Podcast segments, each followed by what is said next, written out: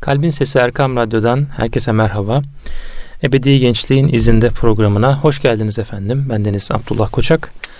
Programı Furkan Özkul abimle icra ediyoruz. Abi hoş geldiniz. Hoş bulduk Abdullah. Abi iyisiniz inşallah. Hamdolsun. Sen de iyisin. Ben de iyiyim hamdolsun abi. Allah İnşallah. iyilikler versin. Eyvallah abi. Abi bugün hep üzerinde konuşulan, e, üzerine konuşulan bir kavramdan bahsedelim istiyorum. Aile kavramından aile kurumundan bahsedelim istiyorum. Şöyle ki aile aslında mutluluk ve sevinçlerin paylaşıldığı aynı zamanda hayatın yük ve sıkıntılarının da yine aynı şekilde paylaşıldığı bir kurum. Fakat günümüzde bu aile kurumunu kurmak o kadar zorlaştı ki yani aslında insan sevinçlerini paylaşacak, sıkıntılarını paylaşacak bir insan bulsa dahi bu kurumu kurmaya belki güç yetiremiyor. Belki ekonomik şartlardan, belki işte o içtimai şartlardan dolayı. Yani aile kurumu deyince önce ne anlamalıyız? Belki bunu sormalı. Evet e, yani önemli bir mesele Abdullah aile. Bebeklik dönemlerimizden yetişkinlik çağımıza oradan işte olgunluk devirlerinden ihtiyarlığa kadar e, hep bir aile tarafından çevreleniyoruz. Evet. Etrafımızda diyelim küçük yaşlarda anne babalarımız oluyor. E, ileriki yaşlarda da çocuklarımız ve torunlarımız oluyor. Ve böylelikle bir ailenin içerisinde doğuyoruz, bir ailenin içerisinde vefat ediyoruz. Belki evet. o şekilde düşünülebilir.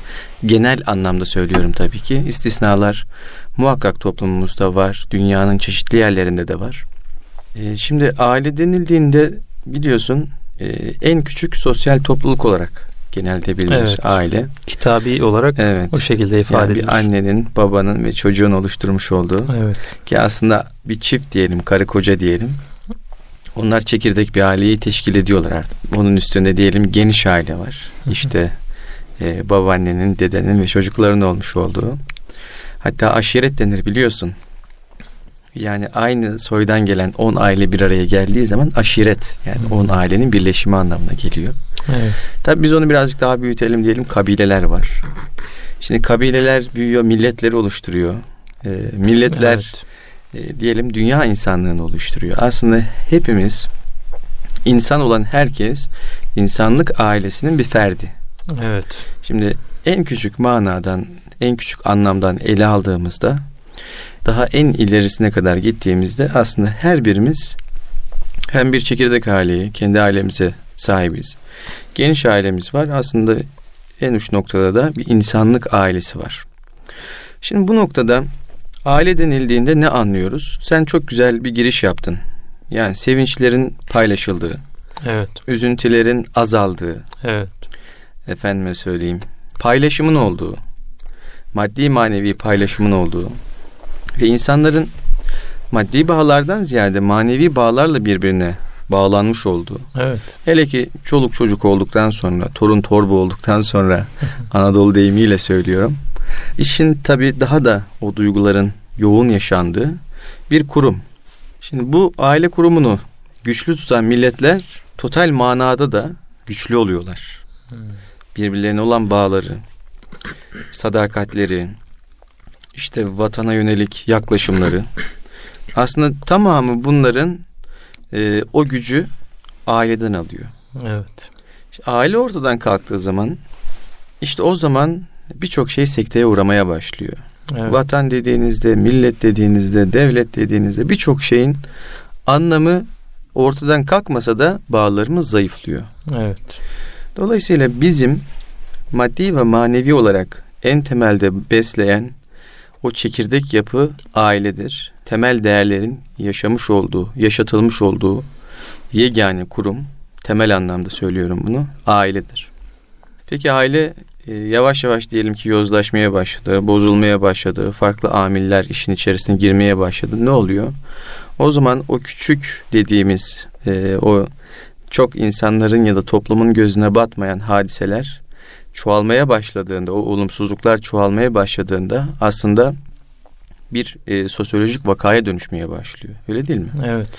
Yani günümüzde dünyanın geneline baktığımızda aile kurumunun büyük oranda zarar gördüğünü görüyoruz. Evet. Özellikle Batı toplumlarında e, ailenin zayıflaması, sağlıksız gençlerin yetişmesini, Sağlıksız gençlerin yetişmesinin sonraki dönemlerde çok önemli yerlere gelseler dahi o dönemin izlerini taşımak suretiyle e, verdikleri kararlardaki işte yıkımlar. Evet. E, dünya tarihinde bunları gördük. Çok e, bariz bir örneğidir örneğin Hitler. Evet, benim de aklıma direkt o geldi. Evet, abi. Hitler çok bariz bir örneğidir. şiddet dolu bir ailede yetişiyor. Babası annesinden oldukça büyük yaşça. ve babası annesine kötü davranıyor. Evet. Kötü davranan bir baba ve erken yaşta kaybedilen bir baba. Efendime söyleyeyim. Erken yaşta evinden uzaklaşmak zorunda kalan bir çocukluk, bir gençlik dönemi. Kendini sanata verme ilk etapta. Evet. Bütün o sanat okullarından reddedilmesi neticesinde bir anda kendini işte cephede bulması. Ardından siyasetin içerisine girmesi ve orada yükselmesi vesaire vesaire. İşte gelmiş olduğu nokta bir Nazi Almanyası'nı evet. ortaya çıkarttı. Ve Nazi Almanyası 2. Dünya Savaşı'nın başlamasına sebep oldu. Yaklaşık 60 milyon insan hayatını bu savaşta kaybetti. Evet. Resmi rakamlara göre konuşuyorum. Soykırımlar yaşandı. Tabii. Yani Yahudilere yönelik, efendime söyleyeyim Çingenelere yönelik soykırımlar yaşandı. İnsanlık büyük dramlar yaşadı kısacası. Tabii bu bir örnek. Sadece küçük örneklerden bir tanesi.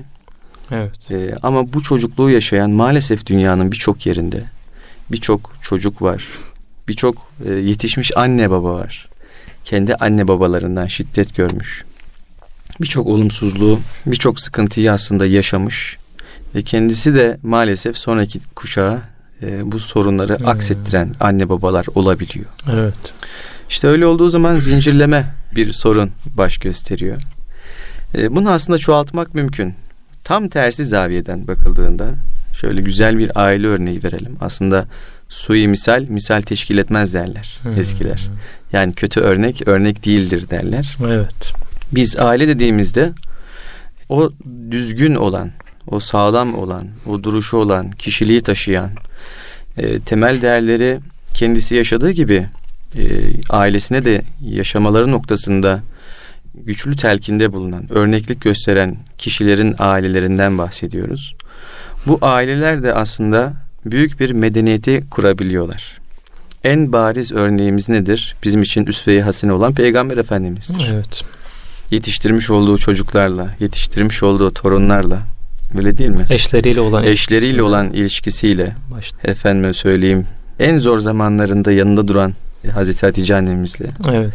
Ee, işte Medine döneminde Ayşe annemizle. Evet. Çok muhteşem örnekliklerin yer almış olduğu, sadece Müslümanların değil tüm insanların istifadesine sunulması gereken bir örnektir Peygamber Efendimiz. Bir de herkes, her roldeki kişi bununla ilgili örnek bulabilir. Yani dünür de bir örnek bulabilir. Kayınpeder, kayın valide işte kendine o kayınpederden bir örnek bulabilir. Dediğin gibi işte bir dede kendine örnek bulabilir, bir baba, işte bir anne kendine işte o annelerimizden bir evlat bulabilir. Evet. Yani annesi Amine ile olan diyalogları değil mi? Evet. Çok küçük yaşta kaybediyor. Evet. Ama işte dedesiyle olan diyelim bir torun olarak ona olan yaklaşımı, amca yeğen ilişkisi noktasında. Evet.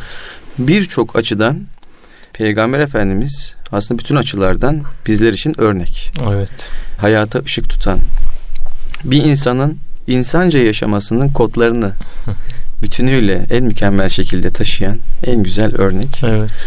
İyi örnek, en güzel örnekten bahsettik. Başka yani etrafımıza baktığımızda, kitaplara baktığımızda, bizim tarihimizde, medeniyetimizde, o medeniyetin değerlerini yaşayan insanlarda bu örnekleri çoğaltmamız çok mümkün. Evet. Yani bunları çoğaltabiliriz nereye bakarsak aslında o güzel ailenin e, oluşmuş olduğunu görüyoruz.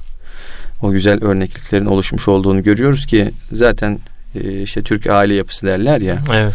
Halen daha e, gücünü koruyan, halen daha o geleneğin etkilerinin üzerinde güçlü bir şekilde o mirası taşıyan ve kendisinden sonrakilere de aktarma konusunda hala kararlılık gösteren ne kadar yıpransa da zarar görse de etkili olan bir e, aile e, hala böyle bir toplumuz hamdolsun.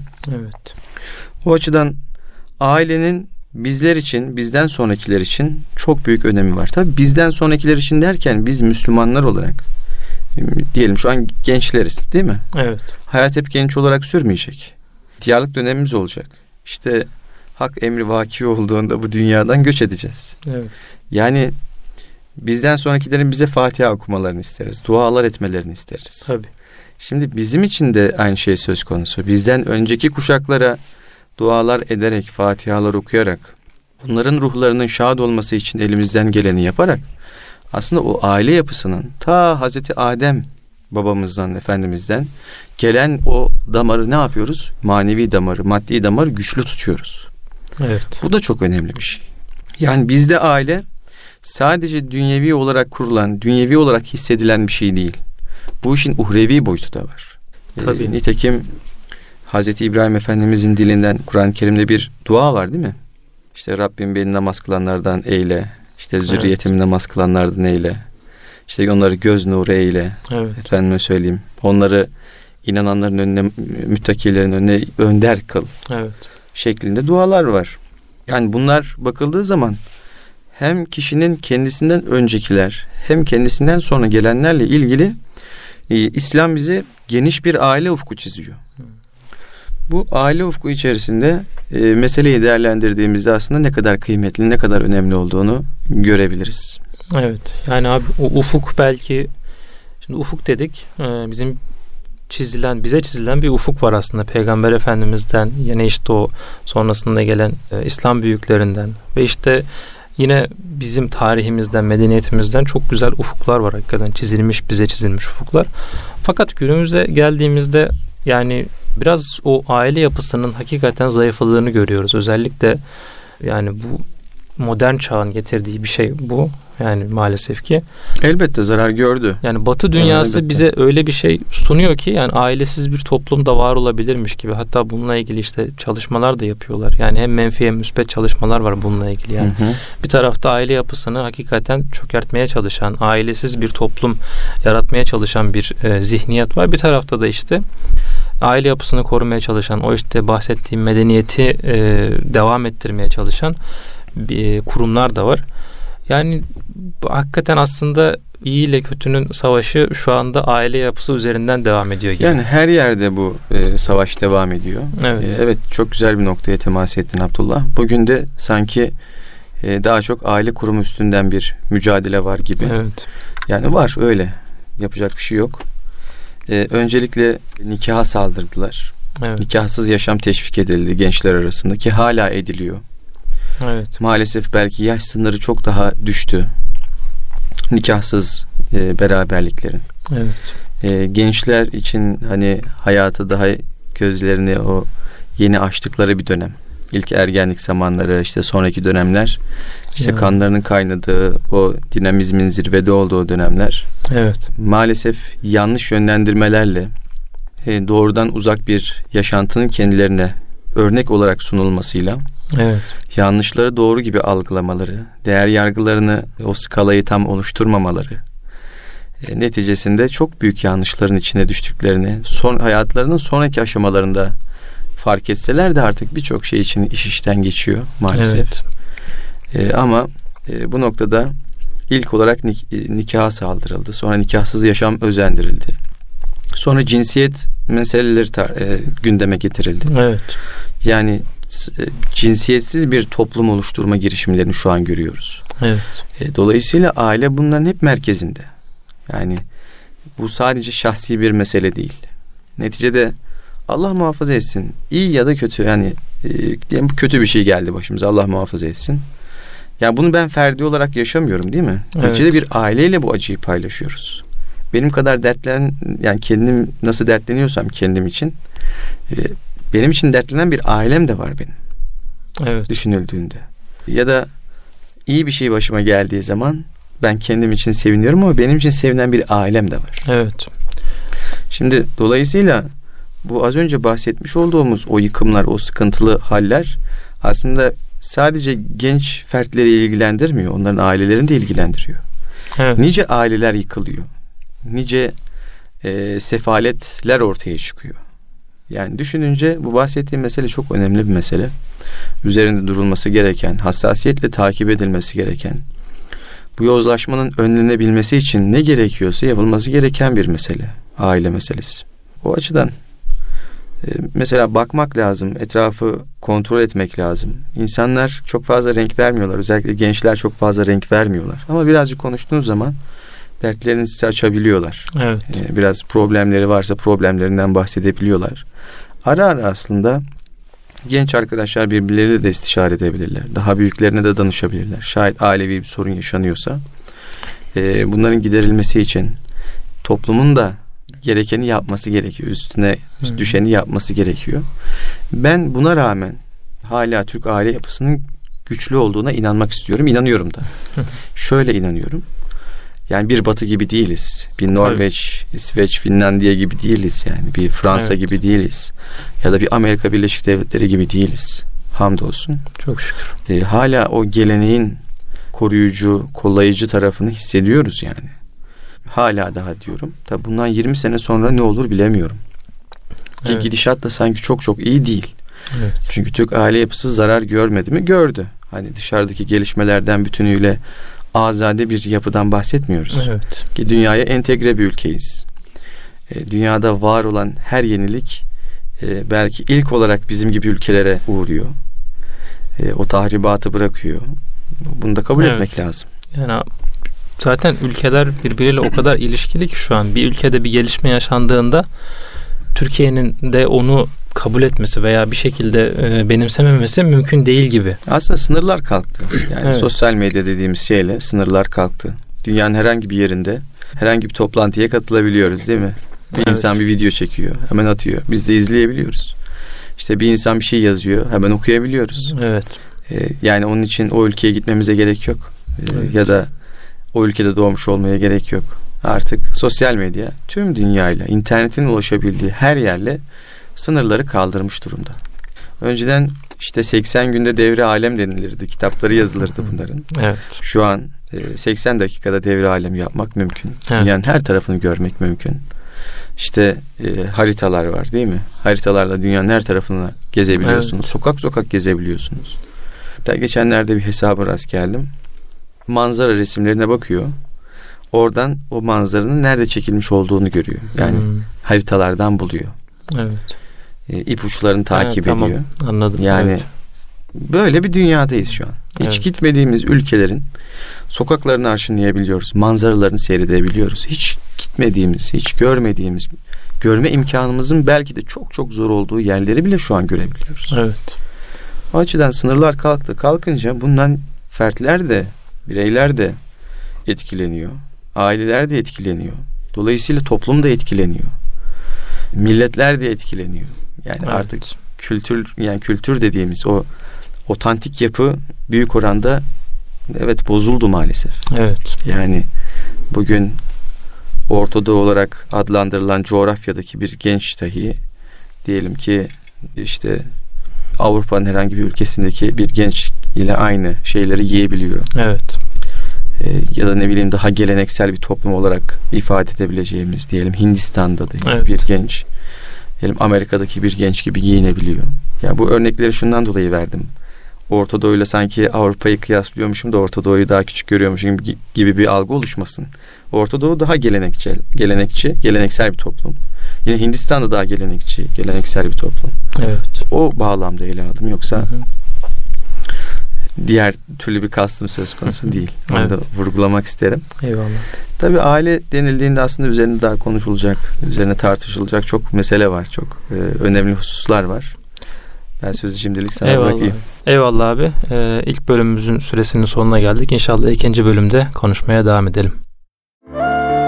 Huzur bulacağınız ve huzurla dinleyeceğiniz bir frekans. Erkam Radyo, Kalbin Sesi. Kalbin Sesi Erkam Radyo'dan tekrar merhaba. Ebedi Gençliğin izinde programındayız efendim. Aile kavramını masaya yatırdık bu akşam. Onunla ilgili e, düşüncelerimizi sizlere aktarmaya çalışıyoruz. Hasbihal ediyoruz aslında her zaman söylediğimiz gibi.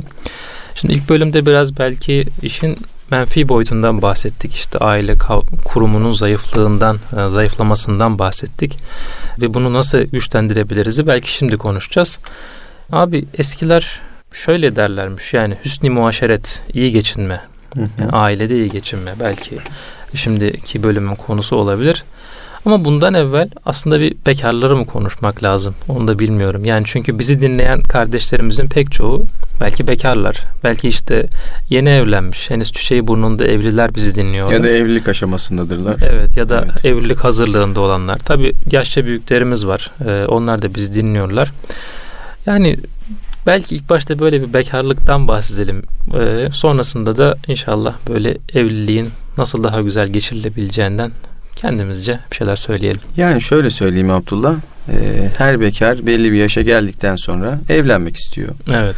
Okulunu bitirdikten sonra erkekler için işte askerliğini askerlik görevini yerine getirdikten sonra. Evet.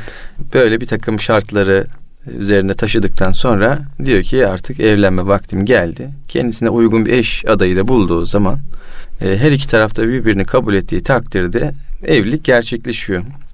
Evet. Bu çok özet bir geçiş oldu. Ama günümüzde bekarların e, evlen evlenirken zorluk yaşadıklarını görüyoruz. Evet. E, yani belki ekonomik koşullar şu an daha fazla zorluyor bekarları. İşte efendime söyleyeyim standartların yükselmesi, eş adaylarında aranan özelliklerin, o özellikler, o standartların yükselmesi. Evet. Başka türlü işte e, kariyer hedefleri. Evet yaş ilerledikçe abi aslında o standartlar da yükseliyor. Yani musun? o değişir bence. Öyle mi? Tabii o değişebilir. Ama şunu demek istiyorum. Yani insanların da dünyaya bakışları değişti. Evet. Dünyaya bakışlar değişince aileye bakış da değişti. Eşlerin birbirine olan bakışları değişti. E, ancak huzurun ve mutluluğun bir ailede tesis edilebilmesi için gereken şartlar değişmedi. Hmm, evet. Yani o şartlar değişmedi dünya değişse de e, mutlu olmak için gerekli şartlar hala aynı duruyor. Tabii evet. mutluluğu ne de aradığımıza bağlı. İnsanlar mutluluğu parada ararlarsa para ortadan kalktığı zaman mutluluk ortadan kalkıyor. Evet. İşte insanlar e, mutluluğu kariyerde aradıkları zaman kariyer imkanları ortadan kalktığında mutluluk demek ki kalkıyor. Evet. Güzellikte aradıkları zaman güzellik imkanı ortadan kalktığında mutluluk demek ki kalkıyor. Evet. Ama e, değişmez özellikler her zaman devam ediyor değil mi? Evet. Yani her iki tarafın birbirine olan sevgisi, saygısı ve, ve bunun Allah için bir birliktelik olması evet. e, elbette e, nasıl söyleyelim o mutluluğu devam ettiriyor. Tabii burada şunu da vurgulamak lazım. Yani Allah için evleneceğim ben. Önüme kim çıkarsa onunla evleneyim değil tabii. Burada onu da kastetmiyoruz. Evet. Yani burada küfü denilen yani denklik denilen bir takım şartların aranması gerekiyor. Evet. Her iki tarafın mutlu olması için, her iki tarafın birbirine olan birbirlerinden bekledikleri o beklentilerin karşılanması için denklik gerekli bir şart. Evet. Ee, yani tabii ki herkes evlenebilir. Ancak e, örnek veriyorum e, maddi kısımda yani variyet konusundaki denkliğin olması, eğitim noktasında bir denkliğin olması, Evet. Bununla birlikte her iki tarafın birbirine olan e, o bakışlarını, o ülfeti, muhabbeti celbedecek o hüsnü nazarın oluşabilmesi. Evet. Ya bunlar elbette gereken şeyler bir yönüyle bakıldığında. Tabii ki. Hani, Pe- Peygamberimiz de zaten tabii. Diyor ya unzur diyor yani git bir git bak, git bak diyor evet. ya o gelen gence. Evet. Yani hakikaten o samimiyetin kalpte oluşturduğu bir e, tatlı muhabbetin oluşması gerekiyor. Oluşması. Tabi bunların hepsi olması gereken şeyler. Şayet bunlar varsa, evet. şayet bu e, ülfet ve muhabbet oluşmuşsa diyelim. Evet. Yuva kurma yoluna girenler olur, yuva kuranlar olur. Tabi orada da belli dinamiklerin muhakkak yaşaması gerekiyor. Evet. Öncelikli olarak şunu ifade edelim sen dedin ya hani hüsnü muaşeret. Evet. Yani iyi geçinmek, e, iyi geçim. E, bunun için şartlar var. E, nitekim Osman Nuri Topbaş hocamız evet. Gençler Soruyor isimli evet. eserinde genç yayınlarından çıkan bu eserde bu konuya temas etmişler, değinmişler. Evet. Orada bu beş özelliği sayıyor. Dilerseniz paylaşalım kıymetli dinleyicilerimizle de. Birincisi dindarlık. Yani her iki tarafında dini değerlere sahip çıkması lazım, yaşaması lazım. Dindar olmamız lazım yani. Mutluluğun tesisi için ailenin o birlikteliğinin devam edebilmesi için en sağlam temellerden bir tanesi dindarlık. En sağlam temel diyebiliriz. Evet. Hani şimdi günümüzde şu tartışılıyor ya Abdullah. İşte deprem olacak mı? Ne zaman olacak? Nasıl olacak? Yaklaştı mı? Uzaklaştı mı? Önceden deprem uzmanları hep söyler söylerlerdi işte e, evlerinizi sağlam yerlere inşa edin. İşte e, kayanın olduğu yer, işte altında evet, taşların evet. olduğu yer daha sağlamdır. Muhakkak böyle yerlere inşa edin falan filan diye söylerlerdi. Aslında sağlam bir birlikteliğin ki dostlukta da böyledir aslında. İş hayatında da böyledir. Her alanda bu böyledir. Aile hayatında çok daha mühim bir noktadadır. Yani hmm. her iki tarafın da dindar bir hayat tarzını benimsemesi e, o mutlu bir ailenin tesisi için teminattır yani onu söyleyelim. Hmm, evet. Ama tek teminat da değildir değil mi? Tabii yani? tek teminat değildir ama dindarlık aslında geri kalan bütün güzel şeyler üstüne çekiyor. Evet. Yani bütün bereketi çekiyor. Bereket dediğimiz şey o aslında. Evet. Yani dindarsa bir adam aslında ahlaklıdır. Dindarsa bir adam aslında iyi geçimlidir. Evet veya öyle olması gerekir. Öyle yani. olması gerekir. Yani evet. tabii buradaki dindarlıktan ka- kastımız ham şekil değil yani. Beş vakit evet. namaz kılıyor. Beşine beş daha katıyor. Kur'an-ı Kerim okuyor ama en yakındakileri üzüyor. Kırıya geçiriyor. Evet. Öyle değil. evet. Yani dindarlık derken o tanımı da doğru yapmak lazım. Tabii ki. Evet. Dini değerleri özümsemiş, değer itibariyle özümsemiş manen ve bunu hayatına tatbik etme gayreti olan e, ahlaken de daha iyi bir noktaya ulaşmaya çalışan gayret eden kişiye diyoruz mesela evet. dindar diye. Güzel. Allah'la güzel bir bağ kurmaya çalışıyor kişi. Gayret ediyor. İşte peygamberin hayatından peygamberimizin hayatından örnekler alıyor. Evet. Onları hayatına geçirmeye çalışıyor. Ashab-ı Güzin hayatından güzel örnekler alıyor. Hayatına geçirmeye çalışıyor. Yani dini yaşamaya çalışıyor. Evet. Başka bir gayesi yok. Allah'a yaklaşmak için, kurbiyet tesis etmek için yaptığı şeyler. Aslında hepimizin yapması gereken evet, şeyler. Evet. Yani genciyle, yaşlısıyla e, herkesin yapması gereken şeyler. E, böyle olduğu zaman o diğer güzel şeyleri de beraberinde getiriyor. İkincisi fazilet. Yani o fazilet sahibi olmak, o yüksek erdemleri kuşanan bir Müslüman olmak. Evet. Yüksek erdemleri kuşanan bir genç olmak. Yani bu çok kıymetli bir şey Abdullah. Dolayısıyla e, bu birinci özelliğimiz dindarlıkta, ikincisi fazilet. O yüksek erdemlerin, o yüksek ahlakın, yüce ahlakın kişinin üzerinde tezahür etmesi. Bu da aslında o güzel geçim için gerekli hususlardan bir tanesi. Nedir mesela bunlardan en temeli fedakarlıktır değil mi? Evet. Kişinin kendinden önce en yakınlarını tercih edebilmesi, fedakar olabilmesi, asil olabilmesi, hmm. Eğilmemesi, zorluklarda işte zorluklarda pes etmemesi. Evet. E, bunların hepsi aslında o güzel faziletlerdir. Hmm. Cömert olması aile bireylerine karşı. Evet. E, işte onları koruyup kollaması, gözetmesi. Bunların hepsi aslında bu faziletlerin birer şubesidir. Evet. Üçüncü olarak muhabbet. Muhabbet sevgi anlamına gelir. Muhabbet oturup sohbet etmek anlamına gelir. Sahip çıkmak anlamına gelir. Hani kalpten kalbe bir yol vardır da görülmez diyor ya Neşet evet. Ertaş. İşte o kalpten kalbe bir yol, muhabbet. Hmm. İnsanların göremediği ama binlerce kilometre ötesinden insanların hissettiği bir şey. Evet. Yani çok ilginç bir şeydir. Örneğin bir dostunun başına bir şey geliyor. İyi ya da kötü. Rüyanda görüyorsun. O an için hissediyorsun, arıyorsun ya aklıma geldim falan. Ya sorma diyor başıma böyle bir şey geldi falan. Hmm. Böyle anlık olarak onunla ilgili sana bir veri düşüyor. Evet. Kalbine bir bir şey dokunuyor, cızır ediyor, böyle cız ediyor. Evet. Öyle değil mi? Evet. Bu neden oluyor işte o muhabbet bağı ile bağlandığı için insanlar birbirlerine ruhlarımız birbirlerinden haberdar oluyor. Evet. O açıdan e, muhabbet şart. Mutlu bir birliktelik için, e, hüsnü muaşeret için muhabbet şart. Dördüncüsü merhamet. Merhamet çok özel bir şey Abdullah. Bizler Allah'ın adına başlarken nasıl başlıyoruz? Bismillahirrahmanirrahim diyoruz. Evet. Rahman Rahim Allah'ın adıyla. Hmm, evet. Şimdi Rahman, Rahim, merhamet bunların hepsi aynı kökten geliyor. Rahim. Evet. Yani merhamet etti. Şimdi merhameti merhamet kelimesiyle açıklıyorum görüyor musun? Aslında böyle değil ama e, ona büyük bir şefkatle yaklaşmak, e, merhamet duymak, onun hani incinmemesi için elinden ne geliyorsa yapmak. Evet. Tabii. Çok büyük bir şey. Nasıl söyleyeyim?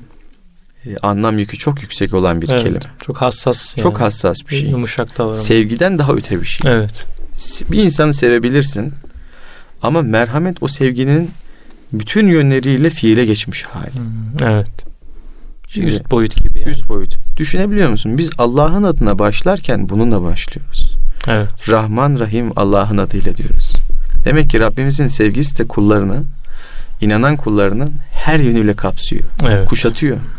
Ve bu sadece sözlü bir şey değil. Fiilen de Rabbimiz bize bunu gösteriyor. Buradan bunu evet. da anlayabiliriz. Yani tefekkürün sınırlarını aştığımız zaman tabii e, birçok e, noktada aslında bize yol gösterici tarafları var. Tarafların iki tarafın karı kocanın e, yine anne babanın çocuklarına olan işte yine genç çiftlerin diyelim kayınvalidelerine, kayınpederlerine, kendi anne babalarına yönelik bu merhametin olması şart. Evet. Çünkü mutlu bir aile birlikteliğinin olması için bir aile yaşantısının olması için insanların birbirlerinden şüphe duymamaları, e, sevgilerinden emin olmaları gerekiyor ki aslında e, beşinci maddemizde sadakat onu görüyoruz. Evet. Sadakat doğruluk anlamına geliyor. Sadık olmak anlamına geliyor. Evet. Belki de en temel aileyi ayakta tutan en temel şart sadakattir Abdullah. Evet. Yani iki tarafından tarafında birbirinden emin olmasıdır. Yani ben kendimden emin olmayabilirim ama karşı taraftan emin olmam gerekiyor. Evet. Anlatabiliyor muyum? Yani kendimden daha fazla emin olmalıyım hmm. karşı taraftan. Evet. Mutlu bir yaşantının en temel nosyonu budur belki de. Evet. Öyle değil mi? Bir de e, sadece tırnak içerisinde böyle ihanet noktasında falan değil. Hayatın evet. zorluklarına karşı, mutluluklara karşı, iyi iyi günde kötü günde deniliyor ya. O iyi gün ve kötü günde benim sırtımı böyle yaslayabileceğim bir dağ olması lazım eş evet. düşünüldüğünde. Evet. Tabii bunların hepsi ideal olan vasıflar. İşte dindar olması, fazilet sahibi, muhabbet sahibi, merhamet sahibi, sadakat sahibi olan kimselerin hepsinin bütün bu vasıflar bir araya geldiğinde aslında çok böyle ideal bir aile yaşantısı ortaya çıkmış olacak. Evet. Ee, ama maalesef tabii günümüzde zarar gören hususlar var. Ee, bir de televizyon programlarına bunlar yansıyor maalesef. Her gün yayın yapan, her gün yozlaşmış ailelerin e, ya da işte aile içerisinde yaşanan o yozlaşmış hadiselerin topluma lanse edilmesi, anlatılması. Evet. İnsanlar tarafından ilk etapta büyük bir böyle nasıl söyleyeyim büyük bir hassasiyetle konunun takip edilmesi. Ama evet. sonradan o azalan hassasiyetler. Normalleşmesi. Normalleşmesi tabi. Evet. Tabi. O normalleşmesi e, evin bir parçası haline gelmesi işte bunlar çok tehlikeli şeyler. Evet. Şimdi önceden düşünüyorum bir takım diziler vardı biliyorsun. Zaman zaman arkadaşlarla konuşurken şu örneği veriyordum. Dizide yaşanan o senaryoyu oturalım Anadolu'daki herhangi bir yaşlı dedeye, neneye neyse anlatalım. O adam bizi kovalar ya da o yaşlı teyze bizi kovalar. Evet. Yani böyle bir hikaye mi olur deyip kovalar. Ancak bu yaşlı amcamız, teyzemiz evlerinde akşam oturduklarında televizyonu açtıklarında bu diziyi izleyebiliyorlar. Evet. Ve dizide yaşayan, dizide bir karaktere hayat işte karakteri nasıl söyleyeyim karakteri yaşayan kimseyi evet. benimseyebiliyorlar. Onun düşmanlarına düşmanlık ediyorlar. Dostlarına dostluk ediyorlar. Yani onlara karşı muhabbet beslemeye başlıyorlar. Evet. Ancak ortada bir aile faciası var. İşte bunu görmüyorlar. Ee, daha doğrusu televizyonla insanlara ulaştığında o kısım içkin bir şekilde insanların içine e, yerleşiyor. Evet. Anlatabiliyor muyum? Hı hı. O senaryo e, insanlara o değerleri aslında hissettirmeden ulaştırıyor. O negatif, olumsuz değerleri ulaştırıyor. Evet. Ve sadece e, oradaki bireyler üstünden meseleyi okumaya başlıyorlar. Halbuki insanlara direkt anlattığımızda büyük reaksiyon, büyük tepki veriyorlar. Evet. Bu da çok garip. Belki hani dedik ya ilk bölümde e, yani bir aileyi ifsad etmeye çalışan e, bir güruh var. Bir de aileyi böyle e, müspet manada etkilemeye çalışan bir güruh var. Bu yani aslında televizyon dediğimiz, o medya dediğimiz şey de e, belki işte bu gündüz kuşağı programları olsun, farklı diziler olsun, oralarda rol, rol alan insanlar olsun, yani oyuncular olsun vesaire insanlar. Tabii e, kimseyi zan altında bırakmak da istemeyiz ama bunun büyük bir çoğunluğu aslında menfi manada hareket ediyorlar. Tabii, yani. yani gündüz kuşağı programlarına baktığın zaman yani aile olmaktan korkuyorsun bir noktada. Evet. Aile kurmaktan korkuyorsun. Evet. Çünkü sürekli bu örnekler, sürekli bu negatif örnekleri izleye izleye insanların yani ondan etkilenmeseler bile moralleri bozulur ya. Hani dünyaya bakışları evet. karamsarlaşmaya başlar. Yani reyting kuruna ne türlü facialar yaşıyoruz ya artık farkına varmak lazım bunun. Evet. Bir dönemler hatırlarsan evlilik programları vardı.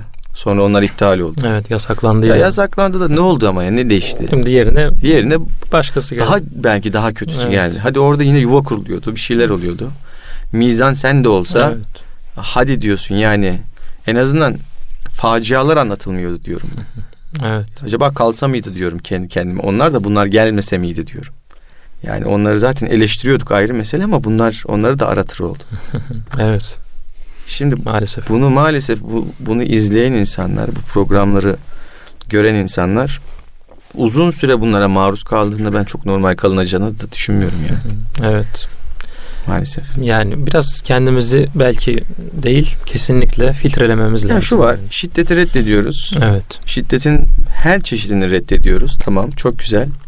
Ama sabahtan akşama şiddetin her çeşidini de gösteriyoruz. Evet. Dizilerde gösteriyoruz. İşte gündüz kuşağında gösteriyoruz. Zaten sosyal medyayı takip etme ya da e, baskılama imkanınız yok. Öyle değil mi? Evet. Yani orada her türlü şey var, içerik var. Dolayısıyla sürekli şiddetin gösterildiği bir mecradan sonra insanlar kalkıyorlar ama insanların e, şiddete dur demelerini de istiyoruz. Evet. Yani bu çok garip geliyor bana. Şimdi hız sınırları ile ilgili bir örnek vereceğim.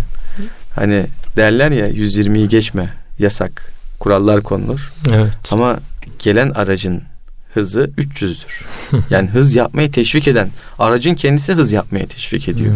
evet. Şimdi sen o yolda ne kadar hız sınırı koyarsan koy illa birileri onu aşacaktır. O hilal yapacaktır. Evet. Bunun önüne geçmek lazım.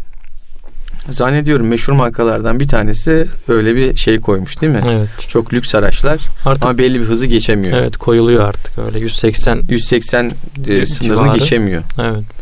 E, zannediyorum çok ünlü bir markanın araçları Hı-hı. o şekildeydi. Evet.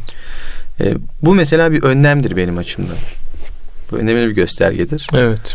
E, yani benzer şeyler televizyonlarda da olması gerekiyor. Örneğin 90'lı yıllarda hangi cenahtan olursa olsun eğer bir dizi çıkıyorsa aile yaşantısını ön plana çıkarırdı. Evet.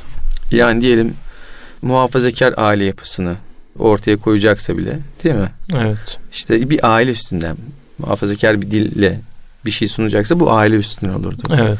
Diyelim daha sol cenahtan diyelim. Hı. O da aile üstünden anlatır ama evet. ailenin faziletleri anlatılırdı yine. o mahalle kültürü anlatılırdı. Tabii. Bir aile bir merkezli bir aile yani. merkeziyle evet. ve erdemli bir topluluk anlatılırdı. Yani toplumun erdemleri anlatılırdı. Evet. Sağ olsun, sol olsun, muhafazakar canı olsun hiç fark etmiyor. Bu böyleydi. Ama maalesef evet. şimdi e, işte lüks evler, herkesin altında lüks araçlar. Tekil yaşam var bir kere. Evet. Yani aynen. Bir villa, bir villa var mesela. Evet. O villada bir kişi yaşıyor. İşte evet. başka bir villa var, orada da bir kişi yaşıyor. Bunların evet. arasındaki kavgaları evet, izliyoruz kavgalar. yani. İzleniyor Başka yani. hiçbir işleri yok. Evet. Yani böyle bir e, hayat tarzı sunuluyor. Dolayısıyla e, insanların standartları yükseldi. Evet. Yani bakıldığın zaman o standartlar yükseldikçe de belli hassasiyetler tutunamıyor maalesef. Evet. Evet. Abi eyvallah. Allah razı olsun. Yani özellikle şu hüsnü muaşeret kavramları, beş özellik hakikaten güzel oldu. Onları tekrar etmek isterim programımızın sonuna yaklaşırken. Bunların ilki dindarlıkta. Dindarlığı aslında hepsinin bir çeperine koyduk. Evet. Yani bir başlangıç noktası olarak bir dindarlık dedik. Sonrasında fazilet, muhabbet, merhamet ve sadakatten bahsettik. Sadakati aslında yani birbirine sadık olmaktan da sadık olmak olarak e, anlattık ama sadakat aslında bir ben böyle bir şey söylemek istiyorum. Yani aile kurumuna bir sadakat. Çünkü mesela kişi evleniyor ama işini hiç azaltmıyor veya işte dışarıdaki o yaşantısını hiç azaltmıyor. Yani bu ne kadar sadık olduğuna bir bakması lazım yani o kişinin aslında. Bu yani e, ailenin korunması için hakikaten bu kavramların iyice düşünülmesi ve e, aile kurumlarımıza yerleşmesi gerektiğini biz düşünüyoruz. Böyle e, konuşmuş olduk. İnşallah istifadeye vesile olur diyelim. Erkam Radyo'nun kıymetli dinleyicileri Ebedi Gençliğin izinde programımız burada sona erdi. Haftaya görüşünceye dek sağlıcakla kalın. Allah'a emanet olun efendim.